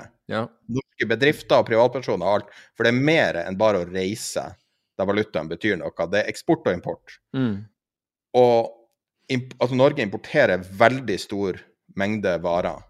Og folk sier nå ja, og hvorfor er prisene opp så mye, 30 Det er jo nå blitt en sånn greie at matvarer skyter i været og sånn. Det er jo inflasjon, ikke sant. Men mm. Tenk hvis vi har faktisk valgt en person som ikke forstår de her subtile nyansene som er kommunikasjon fra en sentralbanksjef. Og jeg bryr meg ingenting om oljefond. Oljefondet er jo et relativt passivt fond. Hvorfor, hvorfor er det så viktig? Altså det, oljefondet, altså Greit at de møter andre, og alt sånt, men det er jo et tilnærmet indeksfond. Det krever jo i realiteten, altså med mindre du skal begynne å bruke det politisk som man aldri har gjort, hva du skal med all denne internasjonale kompetansen. Det er ingen som har snakka om pengepolitikken i det her. Vi går inn i en helt ufattelig komplisert tid. Og så kommer det en novise inn. Men, ganske, men han har en, en, for så vidt en solid, um, solid utdannelse, men, men uh, altså innenfor økonomi. Uh, novise Altså det er, jo, men det er ikke slik at, ikke slik at sentralbanksjefen alene sitter der og sitter i et hjørnekontor og bestemmer hvordan, uh, hvordan renteutviklingen og, og, pengepolitikken skal være i dette landet. Det. Husker du det intervjuet vi hadde med han i Fed for noen ja. uker siden? Han snakka om hvordan Fed fungerte. Kanskje oljefondet fungerer sånn at det er en monokultur som starter på toppen? Eller Norges Bank, mener du? Norges Bank, ja. Altså, jeg tror jeg, Ja, altså, jeg husker den, og, og, og den var for så vidt skremmende. Men jeg tror ikke det. Jeg, jeg, tror ikke det. Jeg tror det, det fins veldig kompetente mennesker i, uh, i, i, Norges Bank. Ja, og en av dem søkte på jobben. Det er riktig. Det er riktig. Og var så kompetent at, at hun, at hun alt annet like ville, ville, ha fått den, vil jeg tro. Um, vi har ikke tatt så veldig mye stilling til kjønnskamp og, i podkasten. Nei, altså, nei altså, Men herre fred, men, her men det, er det, det ble, altså, det ble jo kommentert av svært mange uh, rett etter, rett etter ut, utnevnelsen. Og, for, altså, og, og det, fornuftige uh, uh, kvinner i næringslivet oppfattet det som svært negativt. og og sa at det er alltid sånn. altså Taket er ikke borte, det er bare se på, på, på, dette. Dette er et typisk eksempel på det, og ble ekstremt skuffet. Jeg kan forstå det. Jeg forstår det ut ifra, ut, ut ifra, ut ifra det, men jeg vil Altså, den konspirasjonen Altså Det vi føler om, om, om konspirasjon her, det er en emosjonell reaksjon. Jeg mener, klass, jeg mener ikke emosjonell. Ikke konspirasjon som i Men en konspirasjon er at her i dette tilfellet er det tre stykker som har gått sammen for å prøve å få et resultat for nasjonen. Tre stykker over en middag, og så en som tilfeldigvis er der, tilsynelatende. Jeg bare går fra det Aftenposten sier. Og hvis du ser på den klassiske definisjonen av en, av en konspirasjon, så er det her en konspirasjon. Og det er jo forferdelig å si det, men altså, alle snakker jo om det. Det er jo ikke sånn at det her er noe grensesprengende. Det er jo bare å bruke ordet konspirasjon som er Ja, men, men du kan si at det er forskjellen på hva, på hva vi, hva vi øh, føler og tror, og hva vi vet. Og vi vet ikke vi kan ikke, vi kan ikke hevde at vi vet at, er, at den middagen der førte til, til at Stoltenberg ble sentralbanksjef. Det er, det er, det er, jeg sier det er, det er grumsete vann, men vi må skille mellom det vi faktisk vet, og det vi på en måte føler på. Og alle kan føle på det, og alle kan føle på dette. Jeg føler på det selv, jeg. For, så det er, ikke- det, er, det er ikke noe Det er, det er ikke slik. Og jeg, jeg syns jo jeg, jeg syns jo at hvis du ser på altså, strømkrisen og andre ting med, med regjeringen, det virker jo som at til de grader de, de, de skyter seg i foten hele tiden. Det er jo som om Jan Baalsrud hadde hatt en maskingevær i den snøhula ikke sant? og tatt ut alle tærne sine. Det, det føles øh, Men vi vet ikke. Nei, men det kan du jo aldri vite. Men putt, putt Donald Trump og en av sønnene hans i denne middagen, og se hvordan folk reagerer da. Da er de jo skråsikre på at det her er en konspirasjon. Ja. Hva er det som er så magisk med Stoltenberg? Jeg liker Stoltenberg som alle andre, som alle andre nordmenn. Men det her er jo altså, det her er jo en Norges versjon av Kennedy-familien, ikke sant? Nei, det, det kan du jo si om liksom Arbeiderpartiet, alle, altså Gerhardsen, Huitfeldt, Brundtland, alle disse her, Stoltenberg det, det kan du jo liksom hevde om, om Ja, men det er nå både Brundtland og Stoltenberg involvert i denne saken. Ja, det, jeg er klar over det. Jeg er klar over det. Uh, bare, altså, tingen er at det her er så unorsk, det er det alt koker ned til. Og oljefondet er en gigantisk greie. Og Mm. hvorfor er to stykker så opptatt av å ha full kontroll over det? Det er det som er spørsmålet mitt. Og det spørsmålet klarer jeg ikke å svare på. Akkurat hva de er opptatt av. Om det er bare det at de føler at de vet bedre, kanskje det er det. Men likevel. Eller man, at, at det foregår en, en omlegging i tenkning i interna, altså på, på et internasjonalt nivå. Det kan også være en forklaring. Og det lå i Og det var det Cecilie Langum Becker, eller om det var hun selv som gjorde det, jeg, jeg tror det var hun selv som gjorde det, eller om det var staben, men uh, som la merke til da de leste Da de sammenlignet annonsen med tidligere annonser etter sentralbanksjef. Hvorfor, eh, basert på det, den annonsen, hvorfor studenter, eh, studenter og bussjåfører eh, hev seg på, det er jeg litt usikker på, men Hvorfor ble den der tredje personen som var så kompetent, aldri omtalt som en kandidat? hvem var det igjen? Han som jobba i Bank of International Settlement. Bank of International Settlement. ja, men han, han, som, han som, som var fellow et eller annet, og bodde i Sveits Han framsto på meg som en mer kompetent og mer altså CV-messig bedre kandidat enn Stoltenberg. Ja, Hvis du det- tar det bort er på, må jeg kjendisstatus. Det er jeg litt usikker på. En av kanskje sitter uh, Han ble aldri omtalt som en kandidat. Chalet sitter i Sveits og sier det. Kanskje jeg skulle Ja, ikke sant, men det er den der holdninga, der har du holdninga. Ja, og det, det, er, og det er bare emosjonelt, det jeg sier der. Ja, Det er jo ja, men det det, er det er grunnen til at han ikke ble akseptert. Fordi at hvis du ikke ikke har det kan være en grunn. Det er ikke gitt han, var- han, ble jo ikke, han ble ikke omtalt i media engang. Før en eller annen random kommentar i Nettavisen skrev forresten det er en tredje kandidat alle har glemt. Bussjåføren fikk mer oppmerksomhet. Ja, og det, det, også det der at folk latterliggjør alle de andre kandidatene og alt sånt. Jeg vet ikke det. Mm, Det er sant. Altså, jeg, jeg, hvis man kan latterliggjøre bussjåføren, så latterliggjør jeg Stoltenberg også. Fordi at hvis de, er, hvis de er up for grabs for å gjøre narr av, så syns jeg Stoltenberg er det også. Mm. Han er omtrent Jeg skal ikke si han er like kompetent, men ikke langt. Nei, det må du ikke si, fordi det, det, er, det vil være feil. Det vil være feil, til tross for at du sikkert mener at bussjåføren har styring. Uh, Ja, men du kan vitse med det. Jeg syns det her er nei, jeg, ja, jeg gjør for, Ja, men det er for å ja, Make light of it i, i et forsøk. Men tenk deg at DNB tok standpunkt i det her. Tenk deg hvor mange situasjoner DNB må deale med eh, Norges Bank i løpet av et år. Hva var standpunktet til DNB, da? Mot Stoltenberg i, i debatten. Det var jo DNB-kommentatoren. Det hadde ikke skjedd med Rune Bjerke. ja, der har du jo There you go! There, er gøy. There you go. Ja da. Ja da. Mens en general røyk fordi han fikk ei vinflaske i uh, gave, eller hva faen det var for noe. Altså Jeg har ikke fått med den.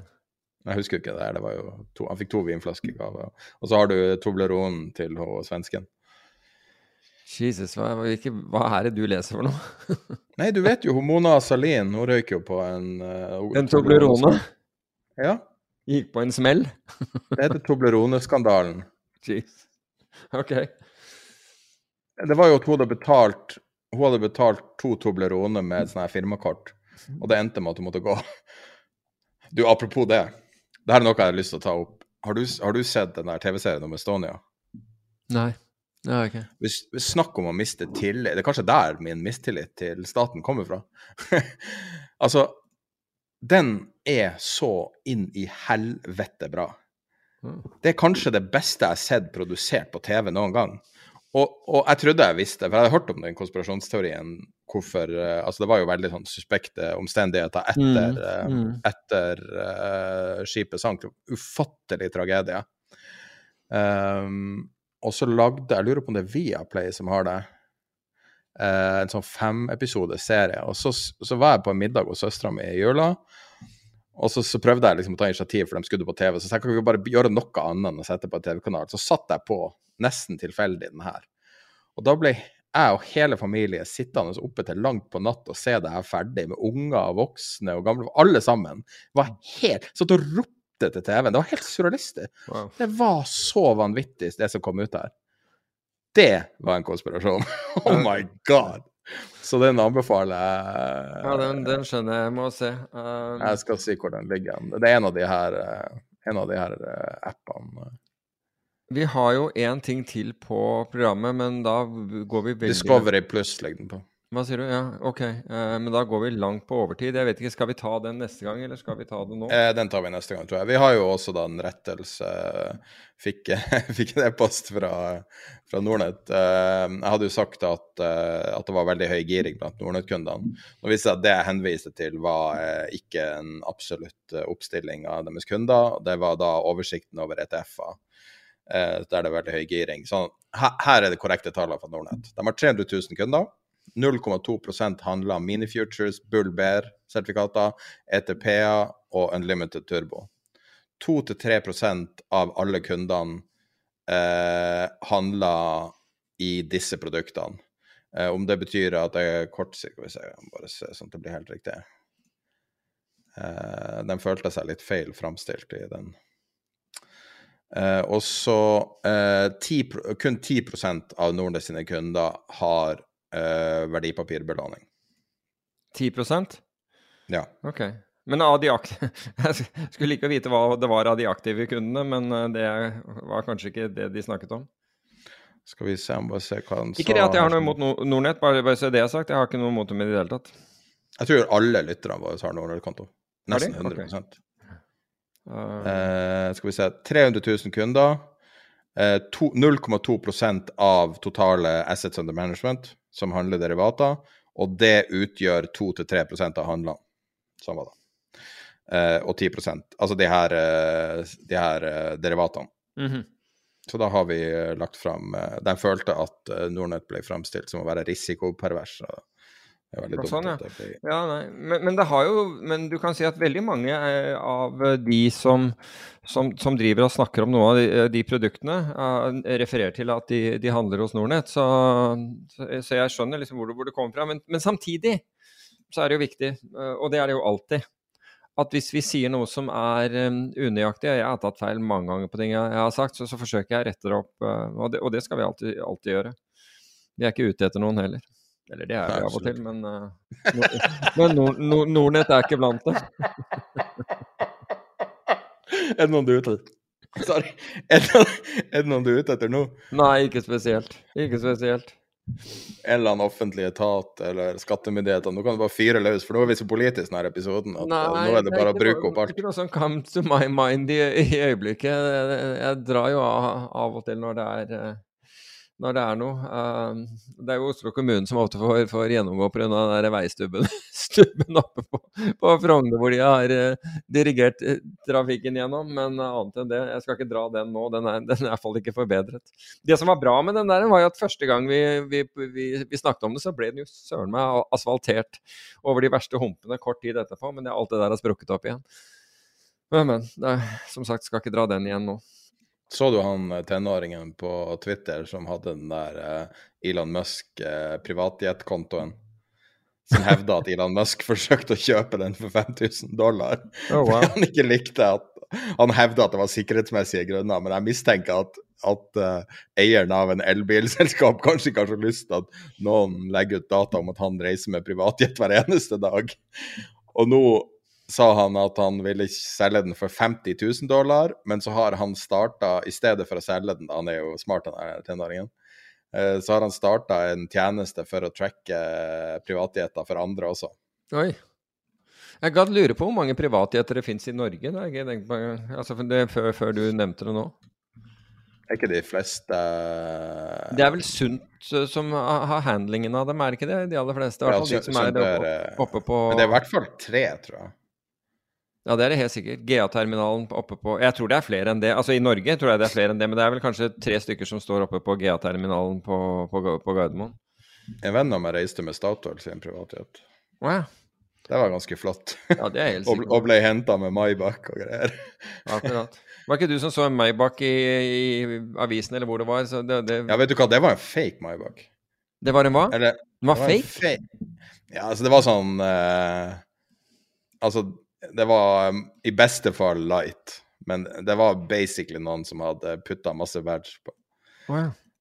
Men altså, det er jo fortsatt en bra bil. Det var en S-klasse, liksom. Men det er ikke full Maybach. Det ligger noen Maybacher på Finn, da, men det er jo litt av den gamle. De er litt sånn utdaterte. Det er flotte biler, da. Ja, det det er de sikkert. Jeg har aldri kjørt en, men det er sikkert uh, veldig bra. Skal vi se om det Jeg tror det ligger en, en ekte Maybach også. Nei Jo, det er to av de er gamle. Aha. Det ene er sikkert den der som han eh, Skipsted han uh, Skipsted-eieren eide før han døde. Tinus uh, Nagel Eriksen? Ja, den var jo legendarisk. Aha, visste ikke det heller. Han var den, ene, den, eneste som hadde, men de er ganske gamle. 2008. Det er ikke så kult med luksus fra 2008. Nei, elektronikken er vel ikke helt oppdatert da, tenker jeg. For å si det forsiktig.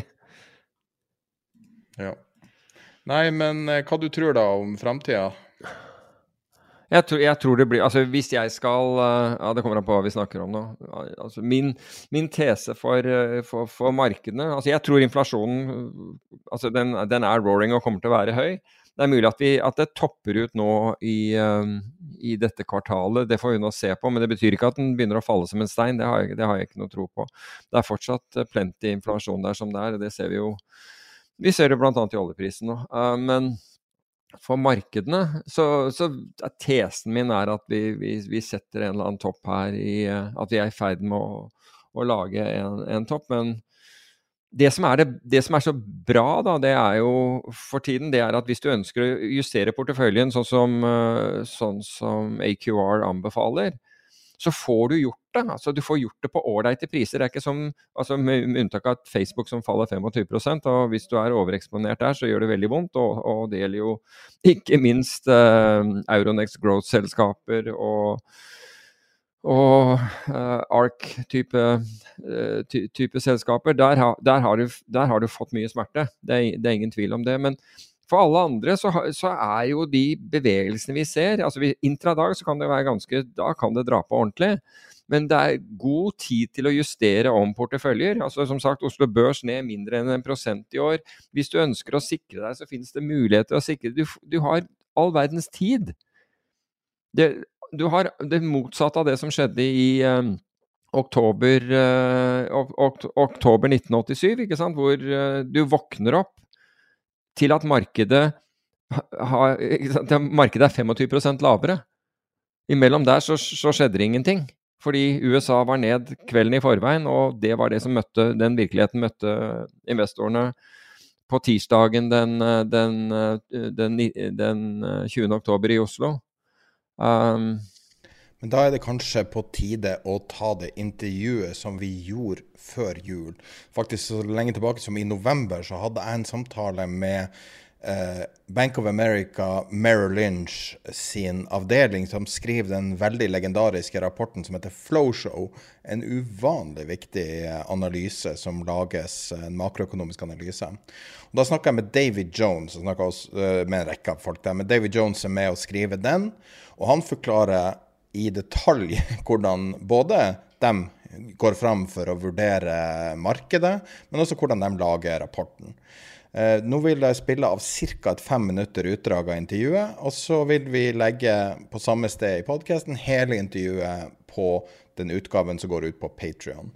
Hvis du ikke kjenner til det, så er det en betalingstjeneste som eh, du kan uh, signe opp på for å støtte podkasten og også få tilgang til vårt ekstrainnhold. Vi har noe som ambisjon om å lage så godt som ukentlig ekstrainnhold hvis vi er i stand til det. Så i hvert fall denne uka har vi intervju med David Jones fra Bank of America Merrill Lynch.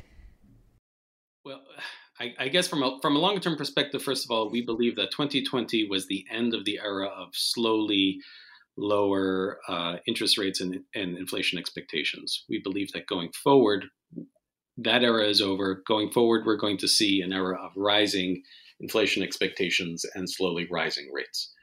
Um, we think that 2020, you could basically say, was, you know, obviously a shock on, in many regards, you know, horrific in terms of uh, death and uh, the, the, shutdown. But then you had this extraordinary stimulus, $32 trillion worth of monetary and fiscal stimulus. And it created this growth shock uh, which typified the you know markets at the end of 2020. And 2021 was very much characterized as uh, an inflation shock. I think a lot of people at the time in 2020 were saying, "Well, this this doesn't." Now we're we're all Japan. Um, we're going to be in sort of uh, you know deflationary period for until the foreseeable future. Um, and you know, it, it came as a surprise to many that uh, we were actually in, in sort of this inflationary times where you had sort of a supply side bottleneck um, and you had this massive demand from the fiscal and monetary stimulus. Uh, and the mismatch uh, worked its way out through um, through market pricing, both in assets and inputs for the real economy. Um, and this created inflation. And our view is that in 2022, uh, what will be the surprise will be a rate shock. Uh, we see central banks as being behind the curve. We see them as having been willing to let the economies of their jurisdictions run hot, um, but they're running hotter and inflation is more persistent than they had expected. Uh, and we see that they're going to need to catch up and catch up more quickly than they had anticipated. And this will create a rate shock, which will feed through to asset allocation. What, what do you think? Uh, I mean, when you say rate shock, what do you think uh, the, the effect will be of? Yeah. So um, we what we see is that rates are going. We think that rates are going to go higher uh, quickly in the first half, and this is going to work into a growth slowdown in the second half of next year. We've had a, a fairly negative view on equities uh, for the last few months, um, but instead, what we've gotten is this uh, this sort of grind higher uh, in global equity markets. We're seeing the MSCI ACWI uh, you know, hit its records. Uh, we were at record levels in the U.S., for instance, as well. Um, and we don't see a lot of fundamental support for those. Uh, it's, you know, in our view, it's, um, you know, it's really supported by this idea that there's no alternative to equities. You have, you know, cash rates at uh, zero in the U.S. You have them at negative levels in Europe and Japan. Um, and you have this um, this expectation of rising rates, um, and so fixed income doesn't look particularly attractive either. And you have credit at tights in terms of spreads. So that's not attractive. Um, there's where do you where do you put all this money, right? Central banks have created so much liquidity. Where does it go? Um, it ends up in equities, and so you just have this, you know, this this slow grind higher. Um, but you know what's interesting is you look at you know what is it that investors expect when you survey them, like we do every month um, their expectations for growth have gone down dramatically. Their expectations for profits have gone down dramatically. Their expectations uh, for margins have compressed dramatically.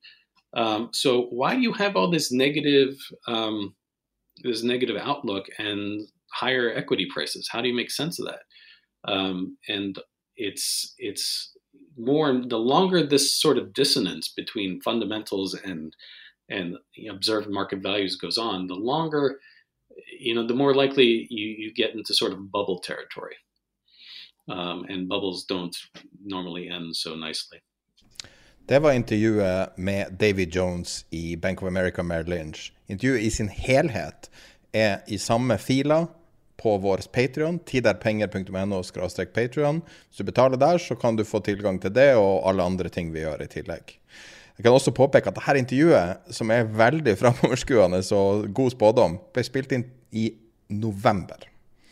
Eh, kan vi avslutte det her med Peter sin spådom om tida fram? Ikke sant? Ja, nå har du altså De, de mest risikofylte aksjene har, har, korrigert tilbake. liksom Sanity has hit, gravity still works. Ikke sant? Det, er, det, er for, det er fortsatt altså Tyngdekraften er tilbake igjen.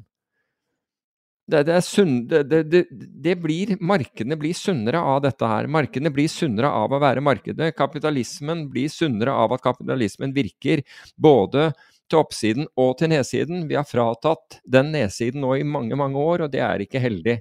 Det er ikke heldig for risikoforståelsen, akkurat som eh, en av disse uttaler til eh, DN, en av disse unge BI-studentene som handlet aksjer, er at de har, liksom, de, de har fått oppleve noe helt nytt. Det er jo kjempefint at du får oppleve noe helt nytt, fordi verden er ikke sånn som den har vært nå i en rekke år. Og det tidligere du får oppleve det i, i karrieren din, det bedre er det, fordi da er du bedre rustet senere i livet. Det var en bra avslutning. Det var en bra avslutning. Mm. Da er vi tilbake om ei uke. Ha det bra. Are you ready to enhance your future in tech? Then it's time to make your move to the UK. The nation that has more tech unicorns than France, Germany, and Sweden combined. The nation that was third in the world to have a $1 trillion tech sector valuation. The nation where great talent comes together. Visit gov.uk forward slash great talent to see how you can work, live, and move to the UK.